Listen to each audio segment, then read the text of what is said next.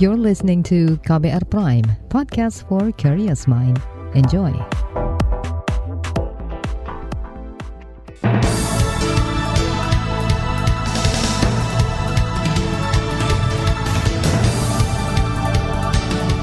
Selamat pagi saudara, senang sekali kami bisa menjumpai Anda kembali melalui program Buletin Pagi edisi Jumat 4 Februari 2022.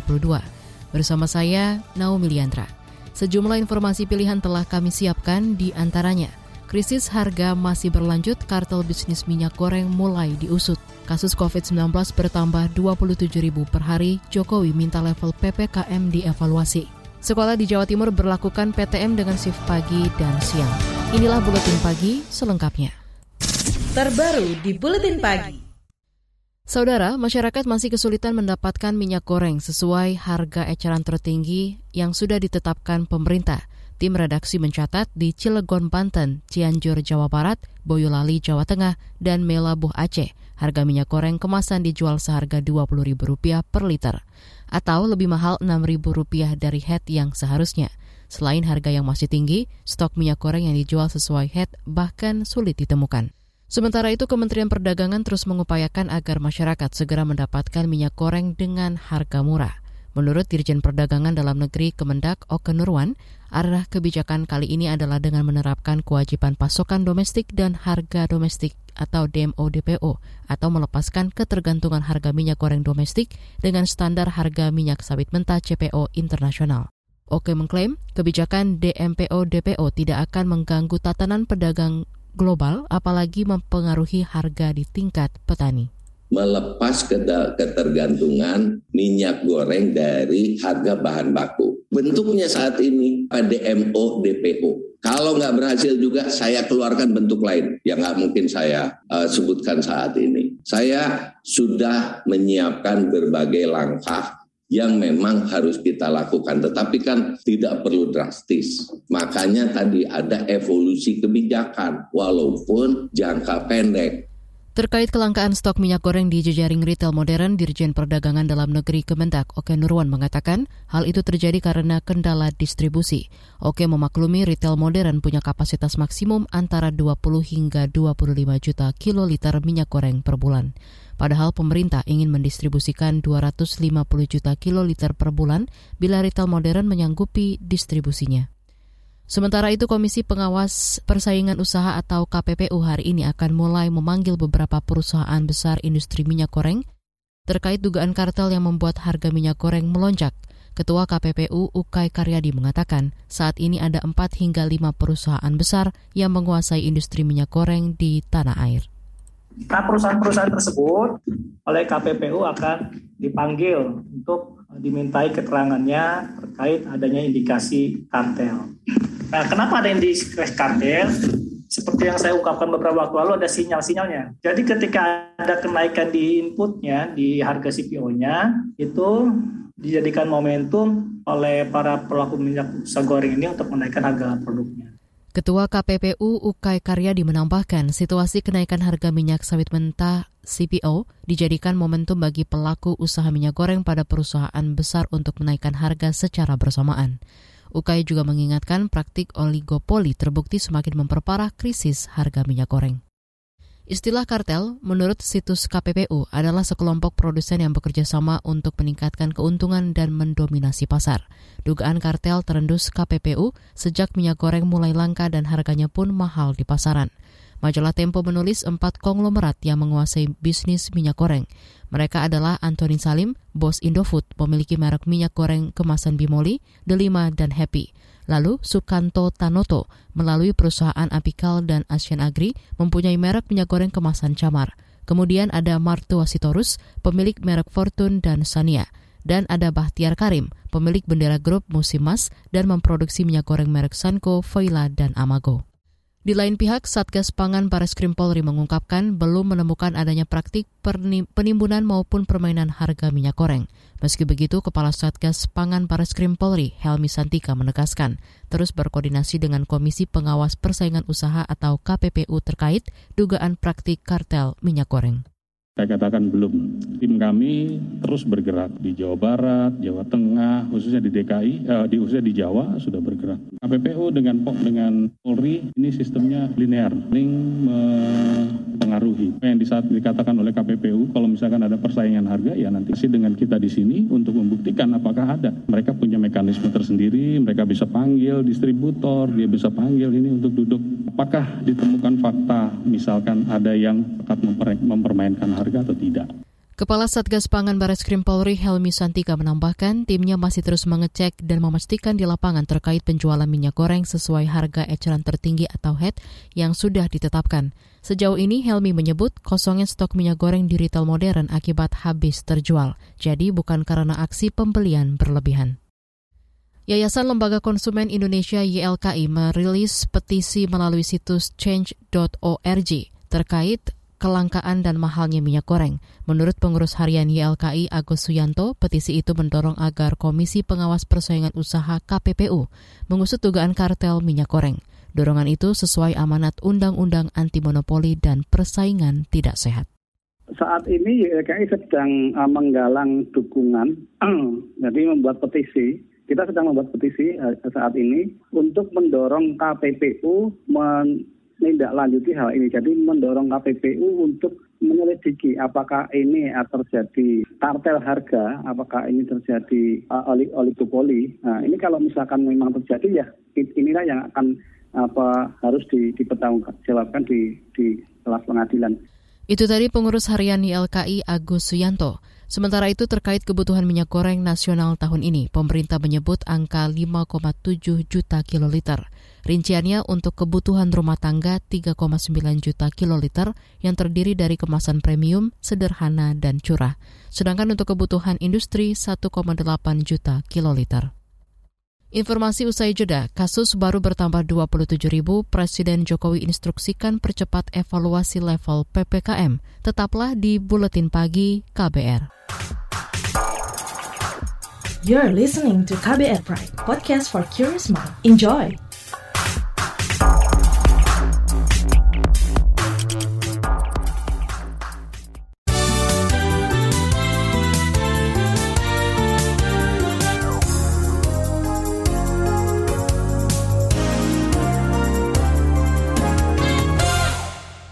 Anda sedang mendengarkan buletin pagi KBR. Presiden Joko Widodo memerintah segera mengevaluasi level PPKM. Jokowi memerintahkan hal itu menyusul bertambahnya kasus baru COVID-19 di tanah air yang kemarin tercatat hingga 27 ribu kasus lebih. Saya minta kepada gubernur, bupati, wali kota, dan jajaran pemerintah daerah dibantu jajaran TNI dan Polri untuk memastikan penerapan protokol kesehatan dilaksanakan oleh masyarakat dan vaksinasi terus dijalankan dan dipercepat. Kepala negara juga menyebut lonjakan kasus COVID-19 kali ini sudah diperkirakan dan diantisipasi oleh pemerintah, yaitu dengan kesiapan yang lebih baik dibandingkan tahun-tahun sebelumnya misalnya dari segi layanan rumah sakit, obat-obatan, oksigen, fasilitas isolasi, dan tenaga kesehatan. Jokowi mengklaim kondisi keterisian rumah sakit hingga kini juga masih terkendali. Menurut Presiden, varian Omikron memang tinggi penularannya, tapi tingkat fatalitasnya justru lebih rendah dibandingkan Delta. Kementerian Pendidikan, Kebudayaan, Riset, dan Teknologi melakukan evaluasi terkait pelaksanaan pembelajaran tatap muka atau PTM terbatas di wilayah PPKM level 2. Sekjen Kemendikbudristek Suharti mengatakan PTM terbatas 50 persen di daerah PPKM level 2 sudah bisa dilaksanakan sejak kemarin. Kebijakan itu diputuskan dengan mempertimbangkan lonjakan kasus COVID-19 di beberapa daerah. Tapi Suharti juga menuturkan kalau ada sekolah di wilayah PPKM level 2 yang siap melakukan PTM terbatas dengan kapasitas 100 persen masih diperbolehkan. Asalkan pelaksanaannya tetap harus merujuk pada SKB 4 Menteri. Beralih ke topik lain, Menteri Hukum dan HAM Yasona Lauli mengakui adanya bisnis rehabilitasi bagi pengguna narkotika yang tertangkap. Bisnis ini justru melibatkan oknum penegak hukum dan dipicu oleh sejumlah pasal di Undang-Undang Narkotika yang multitafsir. Yasona berharap dengan revisi Undang-Undang Narkotika tidak akan ada lagi pasal yang mudah disalah tafsirkan. Akhirnya karena lapas sempit, Nah, ini menjadi didagangkan. Ya, eh, menjadi didagangkan di tempat kami nanti. Kalau sudah padat, kau bisa kugeser ke tempat yang agak longgar. Nah, ini kan menjadi persoalan buat kita. Satu. Yang kedua, karena banyak pemakai berarti ketergantungan menjadi banyak. Ini moral hajat lagi kepada pegawai. Ber, terakhir Pak Irjen berapa yang kita pecat? Tapi kan tidak enak terus pecat memecat terus Pak.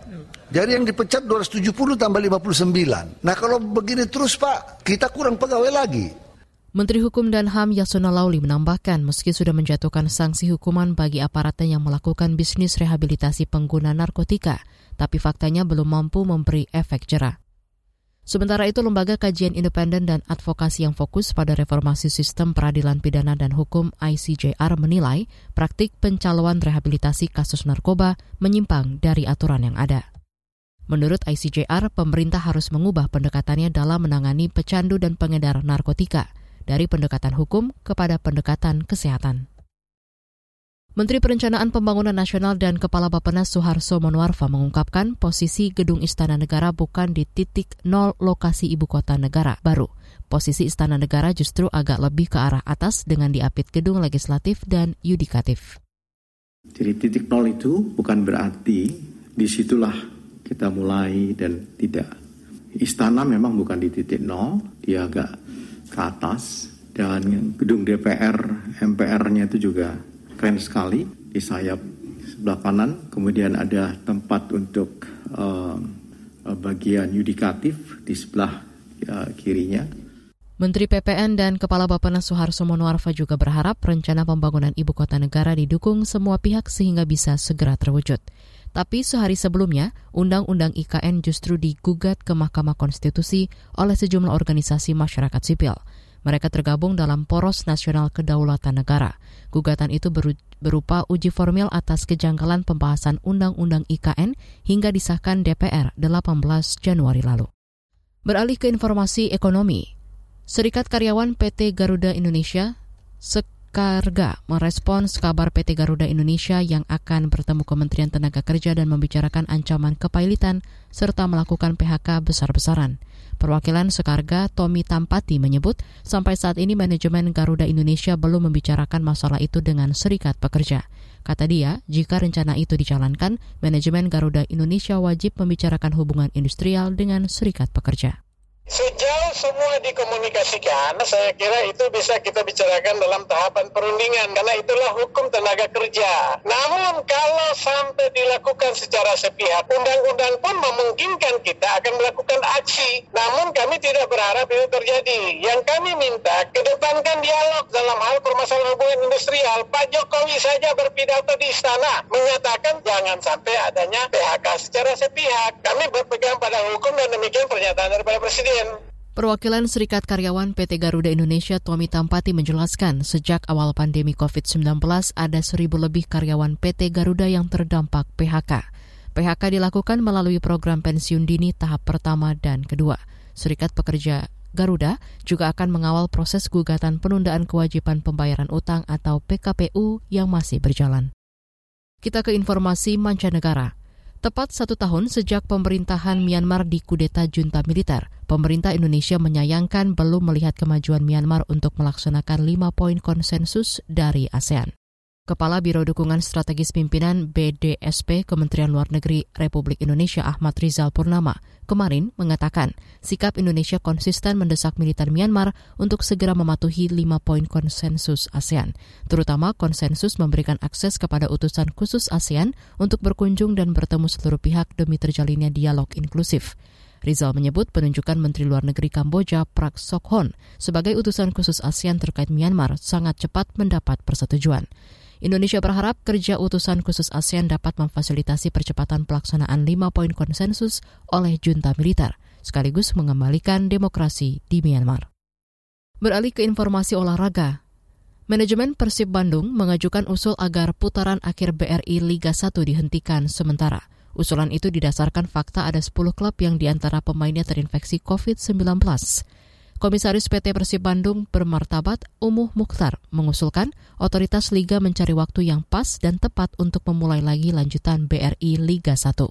Meski begitu, bila tetap ingin dilanjutkan, maka harus diantisipasi bertambahnya pemain yang terinfeksi COVID-19. Umuh khawatir Bila tidak bisa diantisipasi, maka kondisi kesehatan pemain bisa semakin parah. Diketahui 60 pemain BRI Liga 1 terinfeksi COVID-19 dengan 14 di antaranya sudah sembuh.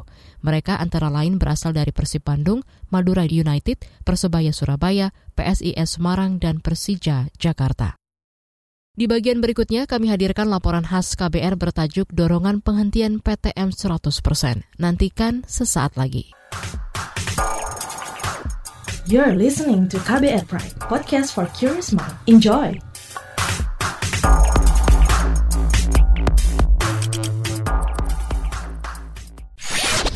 Commercial break. Commercial break.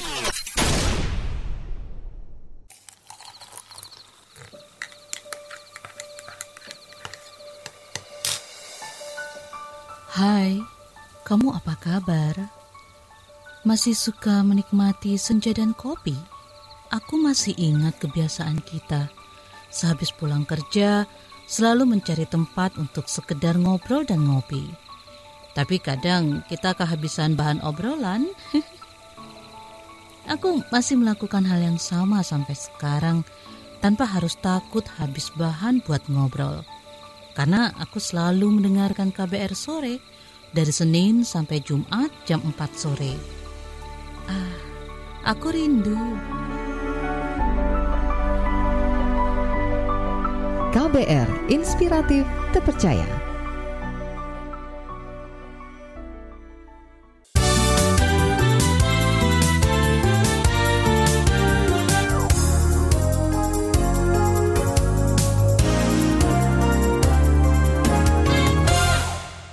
Anda masih bersama kami di Buletin Pagi KBR.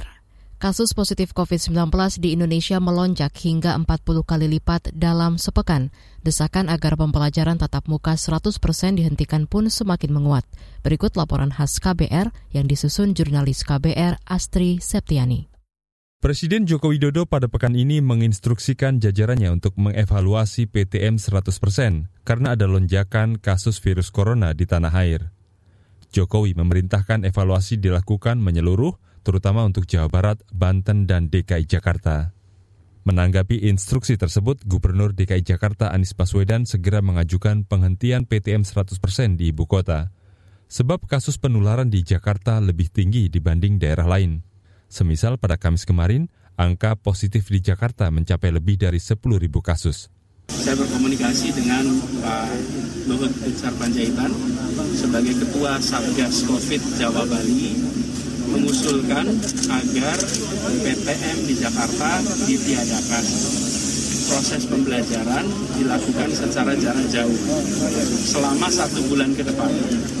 Nah ini sedang dibahas, nanti kita akan mendengar hasilnya karena keputusannya adalah melalui keputusan pemerintah pusat lewat PPKM tadi lewat SKB 4 Menteri. Ini berbeda dengan ketika era PSBB. Namun permintaan Anies tak sepenuhnya dikabulkan pemerintah pusat. Kementerian Pendidikan, Kebudayaan, Riset, dan Teknologi, Kemendikbudristek pada Kamis 3 Februari 2022 mengatakan Pemda dengan PPKM level 2 diperbolehkan mengeluarkan diskresi atau memutuskan mengurangi siswa menjadi 50 persen. Jakarta adalah daerah dengan PPKM level 2.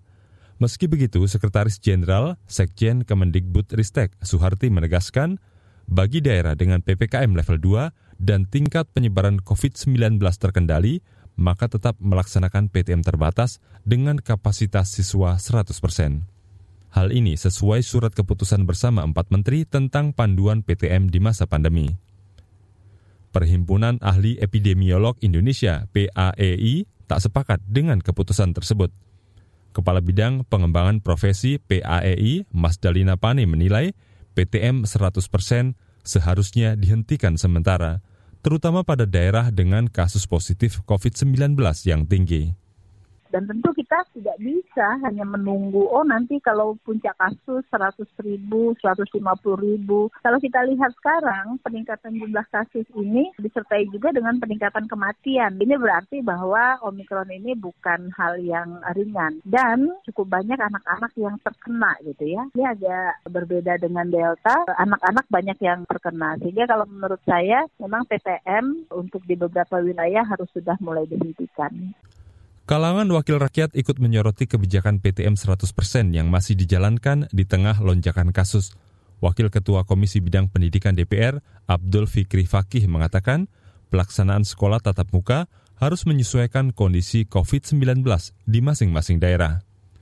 Sebab penanganan dan tantangan di setiap daerah juga berbeda-beda tetapi tetap memperhatikan masukan-masukan dari berbagai pihak. Ada Ikatan Dokter Anak Indonesia, ada KPAI, ada beberapa apa pengamat pendidikan dan seterusnya. Pokoknya itu mesti diperhatikan bukan dianggap sebagai sesuatu yang negatif, tapi itu memang untuk perbaikan kita dan untuk keselamatan kita, untuk menyelamatkan generasi selanjutnya. Desakan evaluasi PTM 100% juga disuarakan lima organisasi profesi medis belum lama ini. Organisasi itu adalah Perhimpunan Dokter Spesialis Penyakit Dalam Indonesia, PAPDI, Perhimpunan Dokter Paru Indonesia, PDPI, Perhimpunan Dokter Anestesiologi dan Terapi Intensif Indonesia, Perdatin, Perhimpunan Dokter Spesialis Kardiovaskular, PERKI, dan Ikatan Dokter Anak Indonesia atau IDAI. Ketua Satgas COVID-19 dari IDAI, Yogi Prawira salah satu rekomendasi yang kami sampaikan adalah orang tua diberi kebebasan untuk menentukan apakah anaknya akan PTM atau PJJ ya dengan alasannya masing-masing. Kemudian anak-anak dengan komorbid, anak-anak ya misalnya dengan obesitas, anak-anak dengan penyakit jantung bawaan, anak-anak dengan gangguan sistem imun. Nah ini perlu perhatian khusus kalau memang tidak terkontrol sebaiknya tetap ada opsi PJJ. Seandainya pun mau PTM harus dikonsultasikan terlebih dahulu kepada dokter yang memeriksa apakah memang cukup aman atau atau tidak. Lima organisasi medis itu khawatir PTM yang dilangsungkan di tengah naiknya tren kasus COVID-19 cukup berisiko bagi keselamatan anak. Saat ini, dari 3 ribuan kasus varian Omikron di Indonesia, 320-an di antaranya adalah anak-anak. Demikian laporan yang disusun Astri Septiani. Saya, Sindu Darmawan. Informasi dari berbagai daerah akan hadir usai jeda. Tetaplah bersama Buletin Pagi KBR. You're listening to KBR Pride, podcast for curious mind. Enjoy!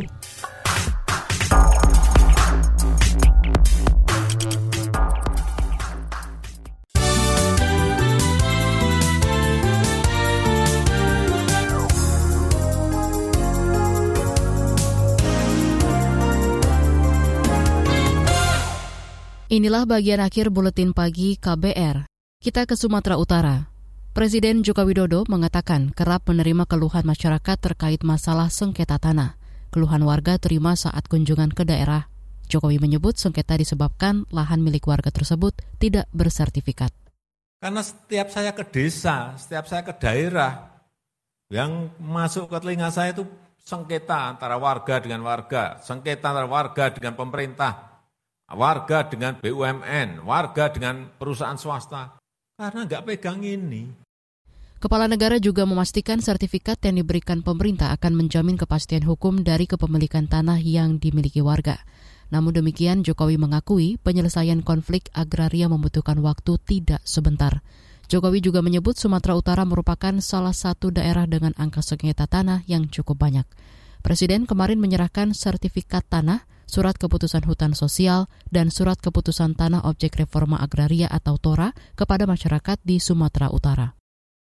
Beralih ke Jawa Timur, Wakil Gubernur Emil Elistianto Dardak menginstruksikan seluruh sekolah menerapkan pembelajaran tatap muka PTM shift pagi dan siang guna mencegah penularan Omikron. Sejauh ini menurut Emil, belum ada niat untuk menghentikan sementara PTM, kecuali hanya di sekolah yang siswa maupun tenaga kependidikannya terinfeksi COVID-19. Sekolah boleh mempertimbang, uh, tolong dipertimbangkan opsi shift siang, shift pagi itu akan membuat beban kelasnya jadi setengah kan? Itu kepadatannya. Itu jadi kita memang belum belum bisa ngelangkai SKB 4 Menteri. Apalagi instruksi presiden ini kan masih untuk Jakarta, Jawa Barat dan apa? Jateng ya kalau nggak salah. Wakil Gubernur Jawa Timur Emil S. Elistianto Dardak menjelaskan, selain menerapkan PTM shift pagi dan siang, sekolah-sekolah juga wajib menerapkan protokol kesehatan. Sementara itu, data Satgas Penanganan COVID-19 menunjukkan kemarin terdapat penambahan 1.300-an kasus baru di Jawa Timur. Sedangkan pasien sembuh bertambah 542 orang. Sebanyak 164 rumah sakit rujukan COVID-19 saat ini sudah dalam kondisi siaga. Kita ke Nusa Tenggara Barat, kalangan disabilitas berharap bisa diikutsertakan menjual berbagai produk karyanya selama event balap MotoGP. Ketua Himpunan Wanita Disabilitas Indonesia HWDI di NTB, Sri Sukarni berharap diizinkan membuka lapak untuk berjualan. Sri optimistis Pemprov NTB akan memperjuangkan harapan itu karena produk yang mereka hasilkan tidak kalah bersaing. Informasi tadi menutup jumpa kita di Buletin Pagi hari ini. Pantau juga informasi terbaru melalui kabar baru situs kbr.id, Twitter kami di akun @beritaKBR, serta podcast di alamat kbrprime.id. Akhirnya saya Naomi bersama tim yang bertugas undur diri. Salam.